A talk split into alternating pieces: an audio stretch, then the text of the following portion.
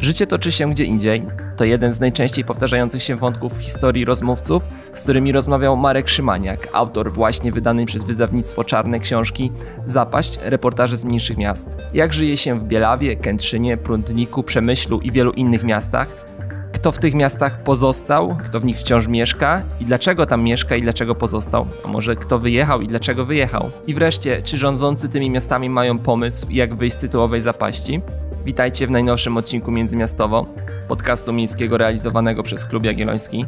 Nazywam się Jakub Kucharczuk, a moim dzisiejszym rozmówcą jest wspomniany już autor książki Zapaść, reportaży z mniejszych miast, czyli Marek Szymaniak. Międzymiastowo, podcast miejski Klubu Jagiellońskiego. Zacznijmy więc od podstaw i od rozszyfrowania, czym jest tytułowa zapaść i w których polskich miastach możemy tą tytułową zapaść zobaczyć. Mm, zapaść, e, którą opisuję, e, zapaść miast, których opisuję, mm, to jest e, no, takie określenie, które, które pada też, mm, stąd się wzięło cały pomysł na książkę z raportu Polskiej Akademii Nauk opracowanej przez profesora Śleszyńskiego Przemysława, który, który określa 255 polskich miast, e, które mają e, problemy e, społeczno-gospodarcze mm, i spośród tej grupy 200, 122 mają bardzo poważne takie problemy strukturalne, czy to związane z, z wyludnieniem, z depopulacją, czy z rynkiem pracy, czy z dostępem do różnego rodzaju usług publicznych. E, I te pogarszające się nam na miejscach, w tych miejscowościach e, no, warunki jakby bytowe i gospodarcze i społeczne mm, no, tworzą, tworzą taką sytuację, że właściwie w tych miastach e, z, zapętla się pewny, pewien taki krąg tego, że jest z nich coraz gorzej, coraz więcej osób wyjeżdża i, i te problemy się jeszcze nasilają. Jakie to są miasta? No, tak jak, tak jak tutaj wymieniłeś, to na pewno te, ale jest ich dużo, dużo więcej. E, e, I one są rozmieszczone w, w różnych miejscach Polski. Nie można, tak myślę, powiedzieć, że, że one są w jakimś jednym e, konkretnym regionie. One są rozrzucone dość, dość równomiernie a są to miasta powyżej 15 tysięcy mieszkańców i nie będące już stolicami województw, ponieważ niektóre z nich, jak na przykład Chełm, czy właśnie wspomniany Przemyśl, dawniej takimi stolicami województw były. Pojechałeś do tych mniejszych miast, y, bo tak jak wspominasz, są tam również opowieści z tych miast byłych wojewódzkich, ale co do zasady to są te mniejsze miasta. Wiem, że wspominasz w książce, w epilogu, że, że sam z takiego miasta jesteś. Ja również podobnie. Klub Jagielloński i osoby tworzące Klub Jagielloński, teraz może troszkę zgeneralizuję, ale co do zasady pochodzą z, Pol z polskich średnich miast, więc te tematy od zawsze nam były bliskie. E, ja również jestem z takiego miasteczka mniejszego niż większego. Każdy ma swoje inne problemy, ale, ale niewątpliwie za, za zainteresowaniem tym tematem na pewno stoją e, pewne osobiste historie. I wiem, że wspominasz o tym, że raport stoi jakby jest jedną z taką przyczyn napisania tej książki, ale tak naprawdę, gdy patrzysz na to swoje miasteczko, nie wiem, nie wiem jakie to jest miasto, to czy tam dostrzegasz e, jakieś takie no, przyczyny tego, że, że interesujesz się tym tematem tak naprawdę, że, że jest raz, że jest ci to miasteczko bliskie, a z drugiej strony, że, że jednak dostrzegasz pewne problemy, gdy, gdy tam wracasz, y, bo też nie wiem, czy, czy tam mieszkasz y, na co dzień, czy, czy jednak, tak jak pewnie większość y, z nas, czy to w klubie jagiellońskim, czy też takich osób z tego miasteczka wyje, wyjechała. Jaka jest ta osobista historia stojąca za tą książką? No tak, ja, ja pochodzę z takiej miejscowości Krasnystaw, to jest na Lubelszczyźnie, około 50 km od Lublina. Myślę, że nasi słuchacze mogą, nasz, mogą moje miasto kojarzyć z produktów takich jak śmietana, serki czekoladowe i tak dalej. E, I, i, i mm, no ja oczywiście, czy oczywiście, no właśnie, to jest to, jest, to, jest to że, że ja wyjechałem z tego miasta zaraz, zaraz po liceum. Wyjechałem do Lublina na studia. Najpierw e, studiowałem w Lublinie, potem przeniosłem się na magisterkę do Warszawy, jeszcze do większego miasta.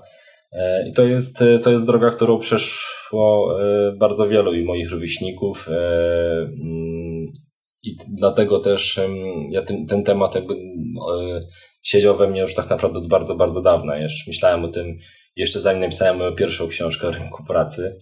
E, a potem pojawił się właśnie wspomniany raport i, i uznałem, ponieważ już byłem po pierwszej premierze pierwszej książki, to uznałem, że to jest ten czas, aby, aby zająć się tematem mm, właśnie tych mniejszych miast, e, bo okazuje się oczywiście, każde miasto mm, może odrobinę różnić się pewnymi problemami. W jednym bardziej e, widać, no nie wiem, problem na rynku pracy, w innym bardziej wybija się z dostępem do transportu publicznego czy do, do ochrony zdrowia.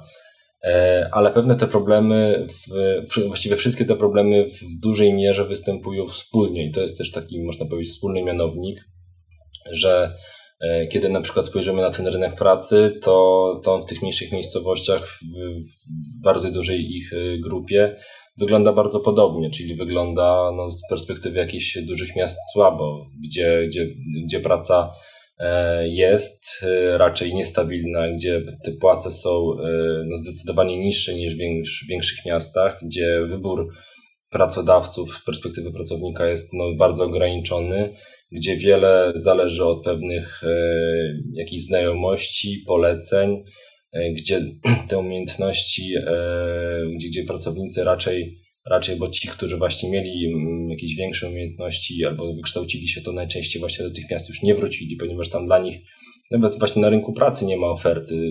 Cóż z tego, że nie wiem, są jakimiś specjalistami, w, kiedy, kiedy w swoim rodzinnym mieście po prostu nie ma dla nich pracy. Nawet jak myślę o sobie, bo pytasz o taką osobistą perspektywę, to e, no ja jestem dziennikarzem i u mnie w mieście no, nie za wiele mógłbym w tym zawodzie e, popracować, e, więc chyba, żebym założył własną gazetę.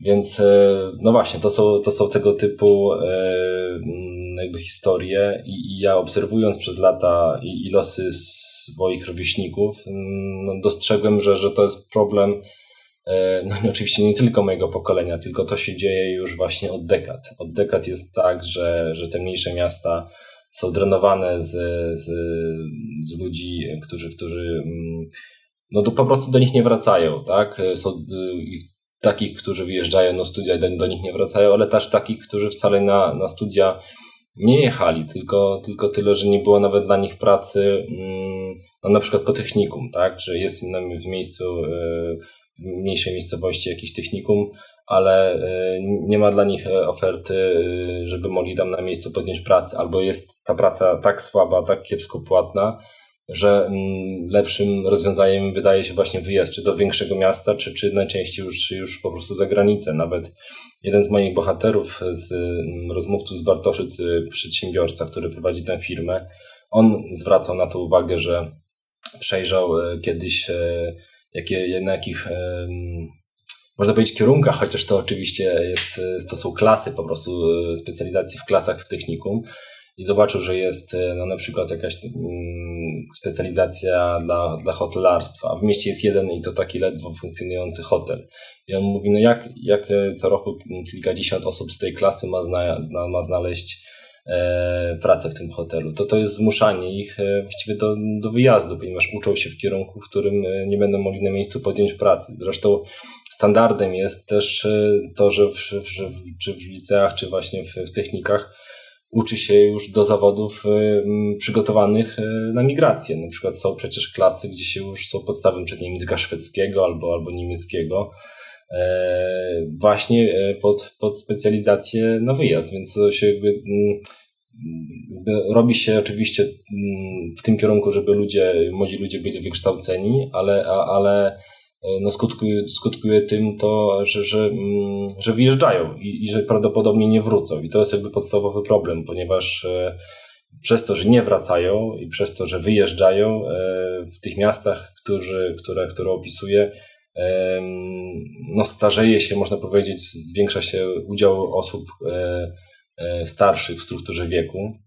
I ja to też na statystykach, e, w, w, w reportażach pokazuję, jak przez te kilkanaście lat z na przykład 15% e, wzrosło to do 25 czy 30% liczba osób, które są mm, po 60 tak, w danym mieście. I to oznacza, oczywiście całe społeczeństwo się starzeje, ale w tych mniejszych miastach jest to, e, no przybiera po prostu bardzo, bardzo katastrofalne, można powiedzieć, skutki. Katastrofalne, ponieważ prognozy są takie, są bardzo złe, że będzie właściwie jeszcze gorzej, że, że, że e, mm, te miasta jeszcze będą się mocniej wyludniać, ponieważ to jest, e, to, tak jak troszeczkę już wspomniałem, no takie samo napędzające się koło. Jeżeli jeżeli te młode osoby wyjeżdżają, nie ma tam dla nich oferty, nawet na rynku pracy, a oczywiście ta oferta, ja to w książce, jest bardzo szeroka, dotyczy różnych tematów, to y, oni na miejscu nie płacą podatków, firmy y, no, podupadają, y, samorządy nie mają właśnie wpływu z tych podatków, co też wpływa na jakość no, publicznej oferty tak, na miejscu. A skoro jest gorzej, no to kolejni nie widzą, kolejne pokolenia i roczniki nie widzą dla siebie szans i też wyjeżdżają, szukając po prostu tego lepszego życia gdzie indziej. I no tak, no i to jest e, pewne, pewnego rodzaju taki zaklęty krąg, który, który się toczy, toczy od lat e, i te problemy no po prostu coraz mocniej są widoczne i coraz bardziej narastają. Podcasty Klubu Jagiellońskiego powstają przede wszystkim dzięki wsparciu naszych darczyńców to dzięki Wam co tydzień w Międzymiastowo możemy opowiadać o miastach, tych dużych, ale i tych mniejszych. Przed nami na horyzoncie kilka dużych wyzwań, które powinny pozwolić tworzyć nam jeszcze lepszy podcast i jeszcze szybciej reagować na najważniejsze problemy i wyzwania, które dotyczą nas wszystkich. Tym bardziej budujące jest dla nas Wasze wsparcie. Od 1 do 17 czerwca ponad 30 osób zdecydowało się wesprzeć finansowo Klub Jagielloński, zaznaczając opcję rozwój podcastów. Z całego serca dziękujemy Pani Julii, Pani Magdalenie, panu Wiktorowi, panu Oskarowi, pani Annie, panu Pawłowi oraz wszystkim pozostałym osobom, których tutaj nie zdążę wymienić z imienia. Jeżeli jeszcze tego nie zrobiliście, to przypominamy, że międzymiastowo można wspierać finansowo na portalu klubjagielloński.pl w zakładce Wesprzyj nas do znalezienia na głównej stronie całkiem łatwo po prawej stronie. Koniecznie robiąc przelew e, lub przez Tipeya czy bezpośrednio przez swoje konto bankowe zaznaczajcie lub dopisujcie w przelewie, że wspieracie nasz podcast. Bardzo dziękujemy. Powiedziałeś że o kilku problemach, e, które dotyczą tych miast. Ja tak miałem w tym swoim scenariuszu rozmowy przygotowane takie pytanie, E, czy jest jakaś jedna wspólna przyczyna dla tych miast? E, to jest chyba bez sensu pytanie, bo to jest chyba takie trochę eksperckie zboczenie, szukanie zawsze wspólnych przyczyn i próbowanie uszeregowania tych wszystkich miast w jakieś kategorie. Taką jedną przyczyną, no, można ją znaleźć tak naprawdę, jeżeli przypomnimy sobie w jaki sposób na, na jaki model rozwoju nasz kraj jakiś czas temu się zdecydował. Mam na myśli E, no, skupienie się jakby na, na tych największych miastach, które w założeniu miały być takimi lokomotywami rozwoju, które miały ciągnąć te mniejsze ośrodki i też ten dobrobyt i rozwój miał na nie spływać. Potem no niestety okazało się, że, że on spływa, ale tak do 20-30 kilometrów mniej więcej od tych największych miejscowości, a te oddalone, oddalone dalej e, no po prostu są drenowane z, i z ludzi i, i, u nich wcale się, że tak z instytucji, z, z, nie wiem, z kolei, no, z, z wielu rzeczy, z które są już wielokrotnie też były poruszane te tematy. E, I one pozostają, pozostawiane są coraz bardziej z e, samymi sobie. No bardzo, mm, ja za, jakby w książce zaczynam od reportażu o, o wyludnieniu, a potem jakby po kolei, e, można powiedzieć, przedstawiam różne przyczyny, które, dla, przez które właśnie jest, jest taka sytuacja, która skłania ludzi do wyjazdu. Jeżeli e, na przykład e, nie ma przemysłu, a to jest albo, albo po prostu dobrej pracy, bo przecież nie chodzi o to, żeby koniecznie były tam, tam fabryki jakieś, które znamy, nie wiem, z, z, z PRL-u, tylko bardziej chodzi o to, żeby była tam na miejscu dobra, godna i, i, stabilna płaca, która pozwoli się utrzymać na jakimś takim e, dobrym poziomie na miejscu, to, to ludzie nie będą wyjeżdżać. To, to, to jest oczywiste. Tylko tyle, że tego nie ma, bo bardzo często po okresie transformacji te zakłady, jedne szybciej, drugie trochę później, zaczęły upadać e, i, i, i po prostu nie, nie, nie zastąpiono nich w większości przypadków tych wyrw niczym niczym nowym. Władze pozwoliły tym fabrykom czy miejscom pracy, na których stały całe miasta, gdzie pracowały tysiące ludzi.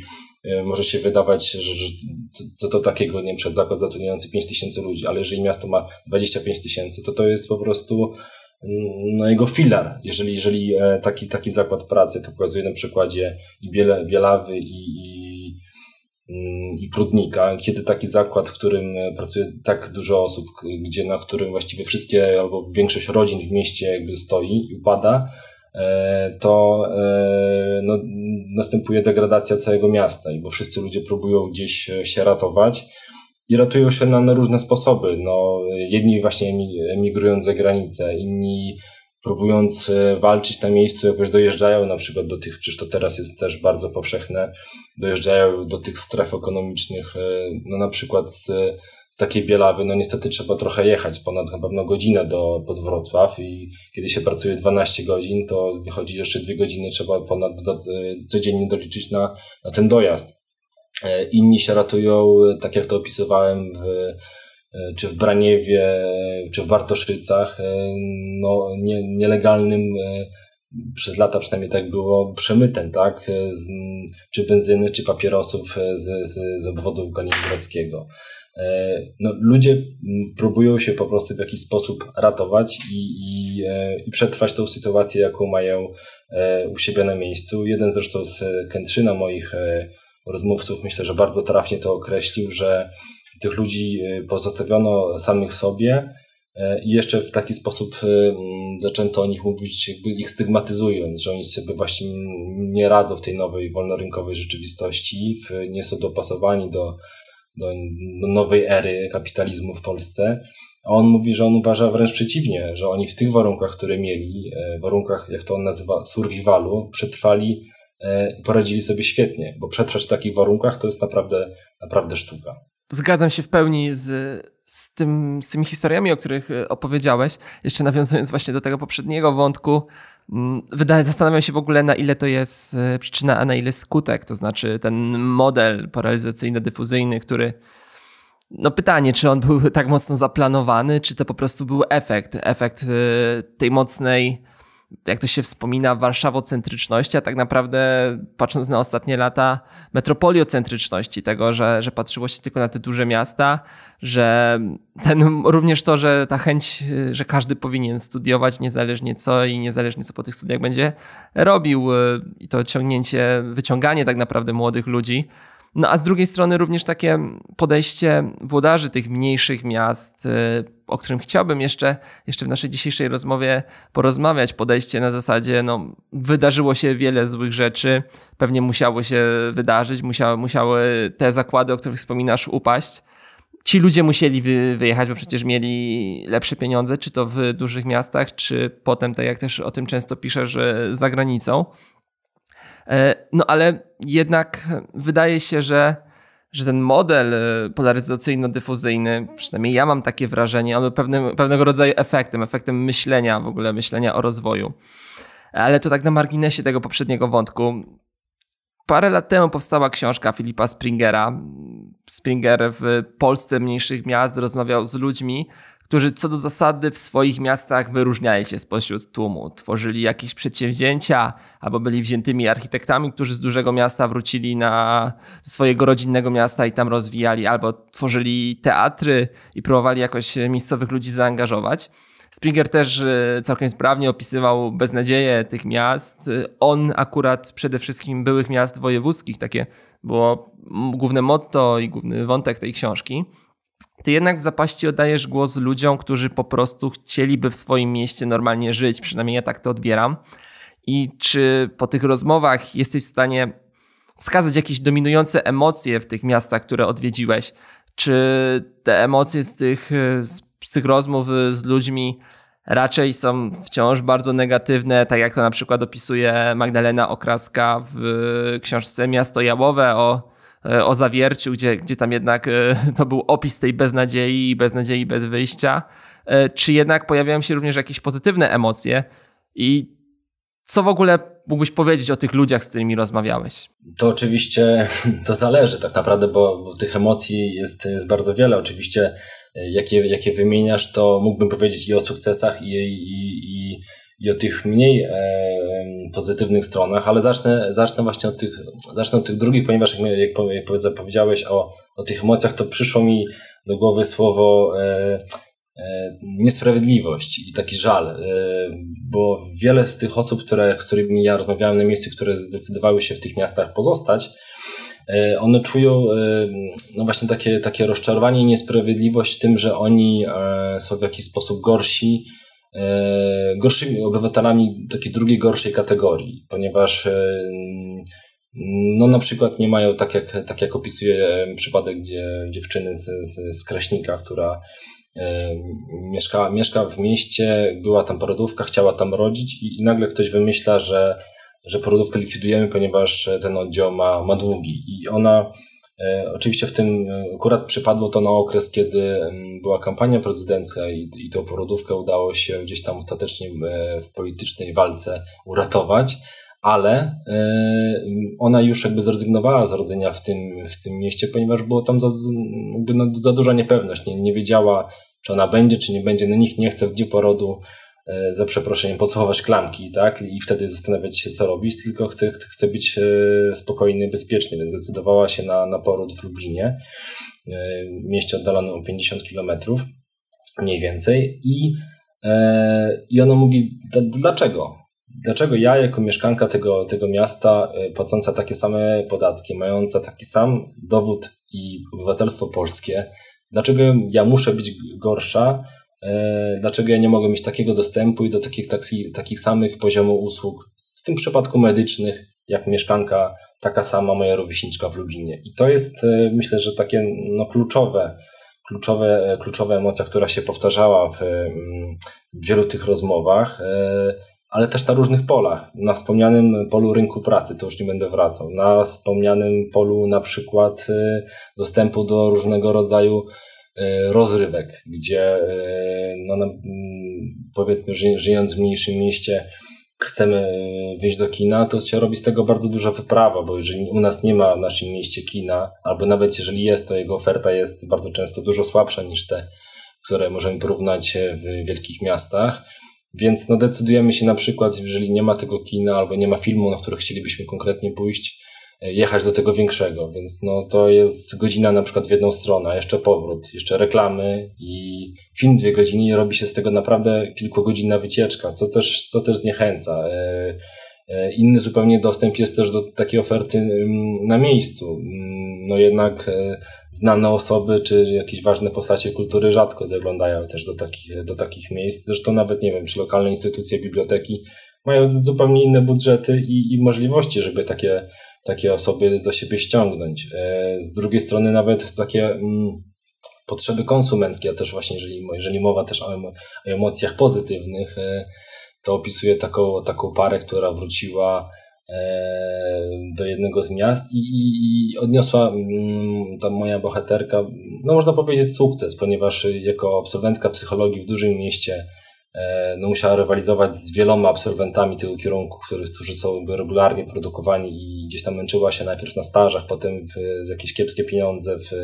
w pracy u kogoś. E, kiedy wróciła i założyła w tym mniejszym mieście swój gabinet, to okazało się, że, że właściwie nie ma konkurencji, trafiła, świetnie wypełniła e, to jakby lukę na rynku, klientów i, i pacjentów ma tylu, że e, no, kolejki się ustawiają na kilka miesięcy do przodu, więc jakby pod tym względem trafiła idealnie, więc jakby gdzieś tam zawodowo e, bardzo dobrze jej się układa, ale z drugiej strony nie ma, nie ma oferty takiej rozrywkowej, że, że nawet jeżeli jest ta stabilizacja finansowa, to y, no ona mówi, że no nie ma gdzie wyjść po prostu. Jest jakaś jedna kawiarnia, jest jakieś kilka jakichś barów czy restauracji, które, tak jak ona mówi, oferują 30 rodzajów pizzy, które, które wszystkie smakują dokładnie tak samo, wszystkie są czynne tam no, do 21 i, i, i tyle.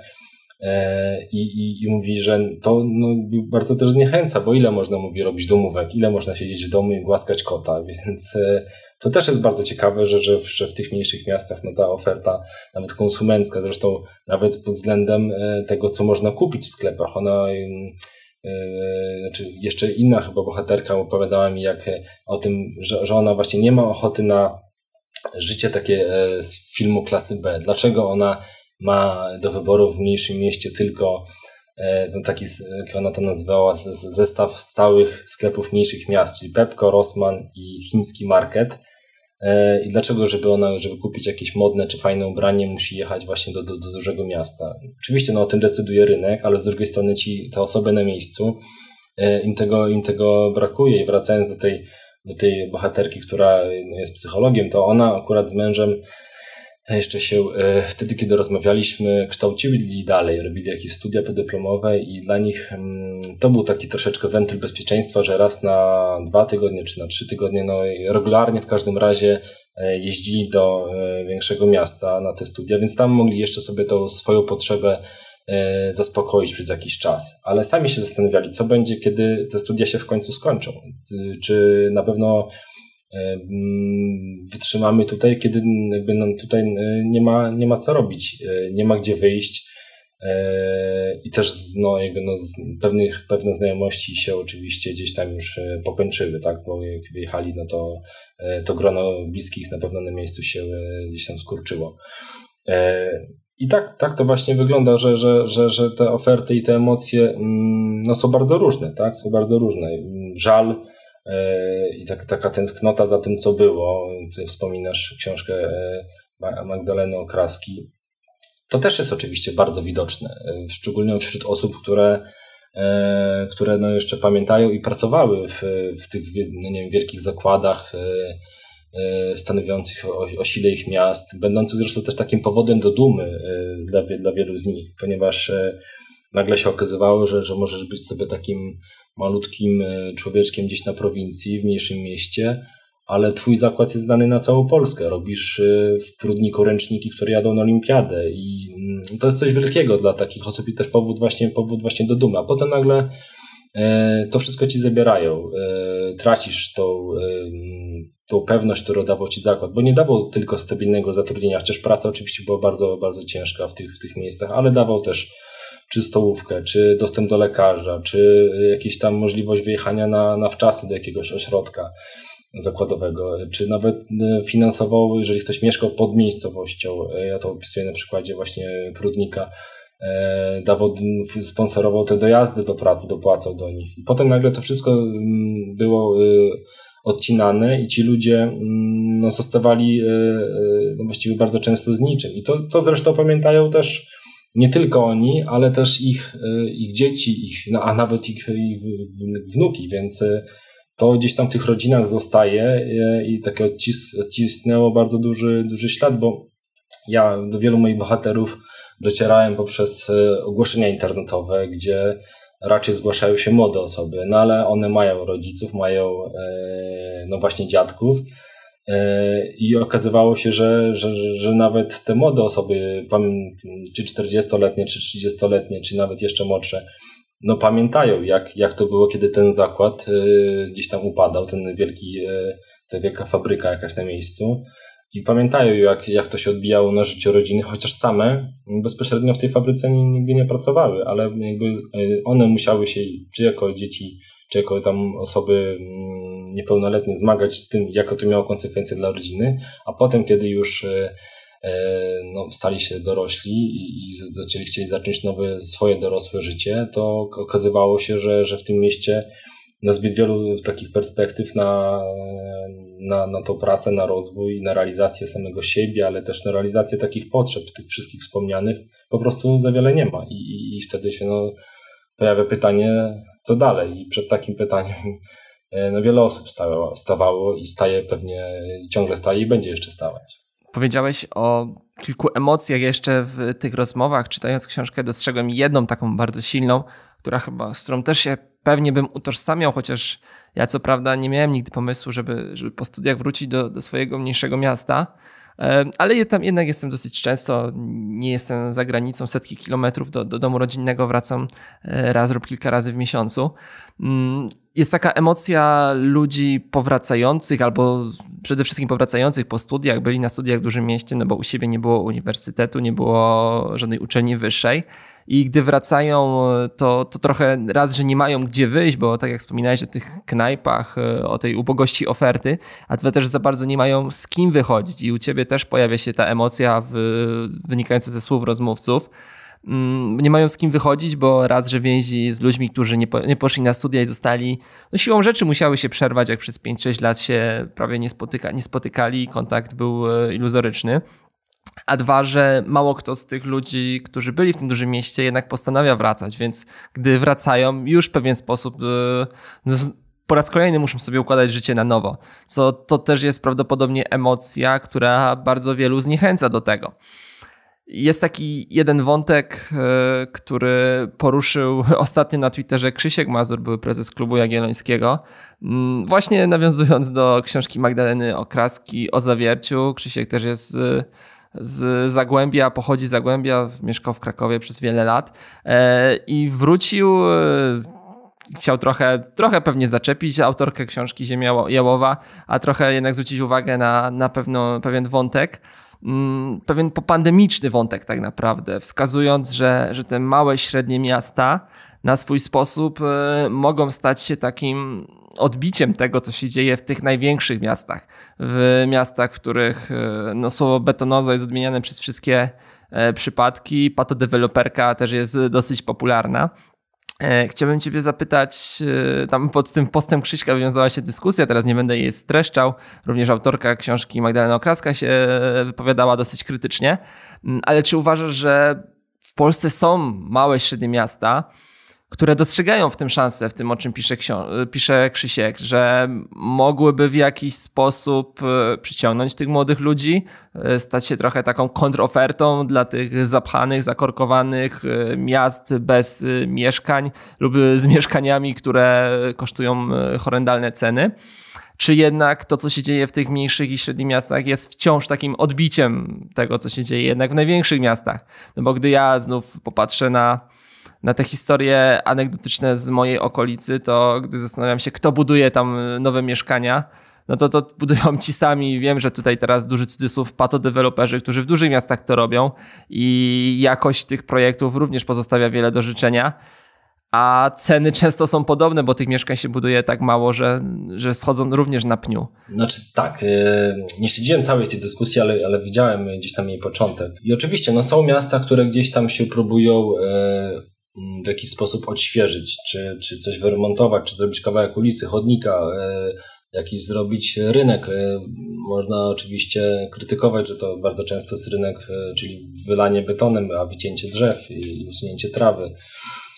Co też w kontekście, no ja, ja to na to zwracam uwagę w książce, w książce w kontekście zmian klimatycznych nie jest niezbyt rozsądniejszym krokiem, ale jakby pozostawiając to, zmierzam do tego, że że te zmiany pewne są, ale mam wrażenie, że to są zmiany takie trochę powierzchowne, że tych strukturalnych problemów, które te miasta bardzo często mają, no nie rozwiąże dotacja na, na 2 miliony na, na nową fontannę. Mm, to jest, y, no to są problemy, które bardzo często mm, y, wymagałyby większego jakiegoś zaangażowania też myślę, że centralnych bardziej władz, bo, bo ciężko y, tym miastom, no nie wiem, e, zdobyć jakiegoś super naprawdę dobrego inwestora, czy zbudować e, odbudować nie wiem, połączenia z, z większym miastem szybkie kolejowe, które by pozwalały na, nie wiem, no, no właśnie nawet pracę w tych e, zdalną w tych, tych, e, w tych mniejszych miastach, a czasem od czasu do czasu, kiedy ktoś potrzebuje pojechać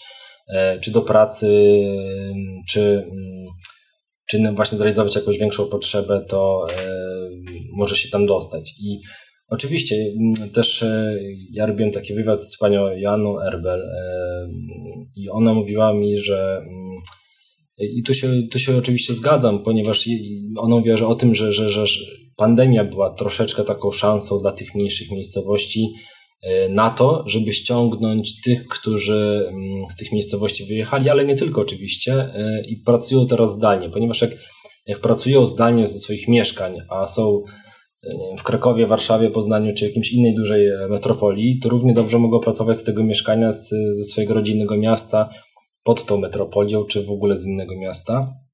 Tylko tyle, że muszą mieć do czego wrócić. Tutaj jakby no, kluczowe jest to, co teraz zrobią włodarze tych różnych miast. Ona jako taki pozytywny przykład e, wskazała mi no, na przykład Chrzanów, gdzie, gdzie blisko e, linii kolejowej powstają tanie mieszkania na wynajem. I to oczywiście jest bardzo, bardzo rozsądny krok, który może pomóc tych mieszkańców przyciągnąć. Inny przykład Dąbrowa Górnicza, która swoje centrum miasta, e, gdzie znajdowała się fabryka i taka postindustrialna, można powiedzieć, przestrzeń, e, upadła, gdzieś tam od kilku lat e, odnawia. rewitalizuje w taki, w taki prawdziwy sposób, że, że to życie faktycznie tam, tam wraca, pojawia się jakaś taka oferta rozrywkowo-kulturalna, czy to jakieś właśnie pokazy filmów, czy jakieś zajęcia sportowe i tak dalej. No, widać, że to miejsce zaczyna gdzieś tam odżywać. Więc są jakieś takie oczywiście jaskółki e, nadziei, ale, ale to też nie jest, e, jak jeszcze tylko wrócę, bo to jest jakby warte do, do, do, doprecyzowania, e, e, praca zdalna oczywiście nie, nie będzie dotyczyć wszystkich, bo oczy, oczywiście część osób może, może wrócić i będzie mogła tak pracować, ale nadal to jest ułamek rynku pracy, to jest tam góra kilkanaście procent pracowników w Polsce. Więc ważne jest, żeby, żeby ta oferta była e, no, kompleksowa, żeby, żeby nie tylko starać się o tych, co mają wrócić, ale też tych, żeby przestali po prostu wyjeżdżać, żeby dla, dla nich tam była dobra oferta, czyli to wszystko, co, co wcześniej już jakby no, wspomnieliśmy. E, a, a w opisuje pewne takie jakieś takie jaskółki zmian. Na przykład w, te, w tej mm, wspomnianej już wcześniej Bielawie powstały, tam spółdzielnia miejscowa ma taki program, którego teraz nazwy oczywiście nie pamiętam, ale e, budowy mieszkań tanich i bardzo, bardzo e, sprawnie to idzie i, i to jest dla, jakby dla osób, które zwykle nie mogłyby się, nie, nie byłoby ich stać na, na kredyt mieszkaniowy, a na pomoc taką na mieszkanie komunalne nie, nie ma co liczyć. E, I to się e, nie tylko im udało zbudować przed czasem, ale też e, jakby one się rozeszły, te mieszkania na pniu. Więc bardzo szybko, nawet jak już po, po rozmowie jakby do książki z no, jednym z współtwórców tego, tego programu, śledziłem, jak co tam się dalej działo i w pewnym momencie widziałem, że, że wrzucili że ktoś, jedna osoba się wycofała, to, to znaleźli chyba w godzinę kogoś jakby na jej miejsce, więc jakby ten głód mieszkaniowy tam, tam jest e, bardzo duży i to jest jakby taki pozytywny przykład, że, że można, e, można ten problem mieszkaniowy mniejszych miast też rozwiązywać. Zresztą Ostrów Wielkopolski jest takim chyba przykładem najbardziej jaskrawym, e, gdzie, gdzie już od, od kilku lat jest e, realizowany program chyba Mieszkanie dla systematycznych się nazywa i on też jest dla skierowany, dla skierowany do osób, które są w tej luce czynszowej, że nie stać ich na, na kredyt w banku, a na komunalny nie mają co liczyć, bo mają za duże mimo wszystko dochody.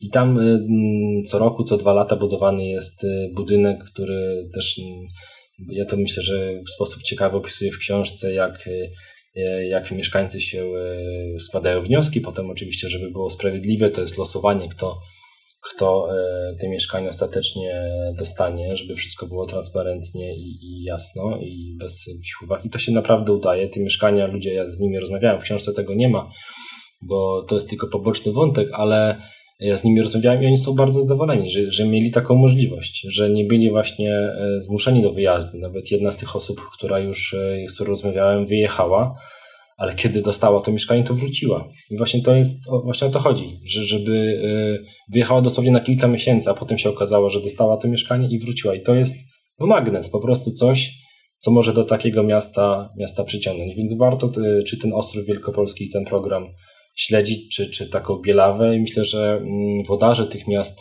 którzy, którzy widzą ten problem akurat u siebie, no myślę, że mogą się po prostu tutaj pozytywnie zainspirować. Kończąc powoli naszą rozmowę, jeszcze chciałbym zostać przy tych e, miastach i żeby zakończyć troszkę pozytywnym akcentem, e, bo wspominasz w książce o tym, że co do zasady większość włodarzy miast, e, tych o których piszesz, tą zapaść swoich miast dostrzega, przynajmniej na poziomie deklaratywnym.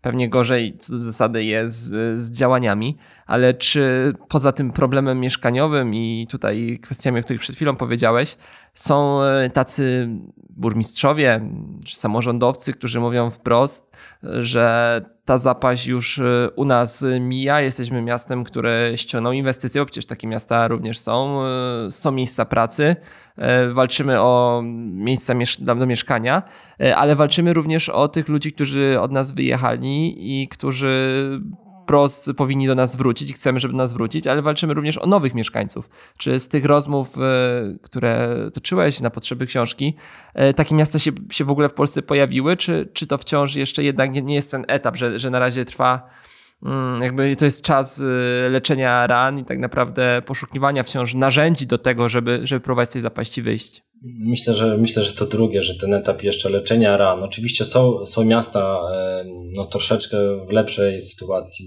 mm, troszeczkę bardziej gdzieś tam lepiej odbijające, ale, ale no też no, na przykład przychodzi mi do głowy Ełk, do, który się no, bardzo ładnie gdzieś tam odnowił i on lokalnie staje się takim miejscem, które przeciąga z tych, tych okolicznych, czy z Grajewa, które też opisuje i tych innych okolicznych miejscowości. No ale kiedy się, kiedy się zgłębisz i porozmawiasz tam z miejscami, z ludźmi na miejscu, to mimo wszystko y, wiele tych problemów ciągle jest, więc y, y, oczywiście, no po prostu w jednych miastach jest troszeczkę lepiej, a w drugich no, dużo, dużo gorzej, więc gdzieś te zmiany następują, ale, ale też myślę sobie, że, mm, że tutaj kwestia możliwości, bo tych, tych wodarzy tych miast, tak mi teraz przychodzi do głowy, jak opisywałem w Nowej Rudzie kwestię likwidacji oddziału, oddziału wewnętrznego w miejscowym szpitalu. I e, no tam jakby poparcie do tego, żeby ten oddział wewnętrzny uratować było, jeżeli chodzi o polityków lokalnych, no była pełna zgoda. Wszyscy chcieli i wszyscy wiedzieli, że to jest bardzo ważne. Mieszkańcy też byli bardzo zaangażowani. Organizowali protesty, jakieś listy, pisali petycje z ogromnymi, ogromną ilością na takie małe miejscowości podpisów. I, i, i kiedy dochodziło mm, no, na przykład do jakiejś takiej dyskusji na, na, tam na Radzie Miasta, to e, ci mm, politycy rządzący obecnego, obecnie obozu byli pytani, no, no zróbcie coś, odezwijcie się do tych waszych wyżej, żeby, żeby nam ten oddział zostawili, żeby nam dali pieniądze i tam pomogli nam po prostu. I oni mówią, no oni to robią, tylko że nikt ich nie słucha.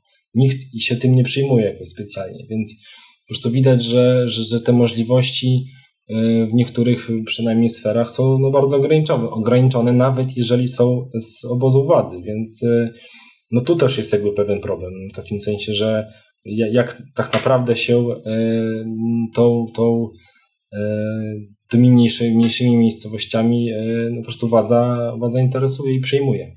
Bardzo Ci dziękuję za rozmowę. Moim dzisiejszym rozmówcą był Marek Szymaniak, autor właśnie wydanej przez wydawnictwo Czarne książki Zapaść, reportaże z mniejszych miast. Ja Was gorąco zachęcam do zakupu. Jest to możliwe zarówno w wersji e-bookowej, ja właśnie w taki sposób nabyłem, ale też w wersji, w wersji książkowej. Jak oczywiście zachęcam do zakupu nie tylko tej książki z wydawnictwa Czarne, bo, bo od zawsze wiemy, że zarówno my w Międzymiastowo, jak i wielu naszych słuchaczy jest fanami i często nam podsycha, podsyła te książki do tego, aby je omawiać. Oczywiście zachęcam Was również do wsparcia naszego podcastu Międzymiastowo. Możecie to zrobić na stronie Klubu Jagiellońskiego, możecie to zrobić również udostępniając nasze podcasty w sieci i wśród swoich znajomych. Bardzo Wam dziękuję za rozmowę i do usłyszenia w kolejnym odcinku. Międzymiastowo. Podcast miejski Klubu Jagiellońskiego.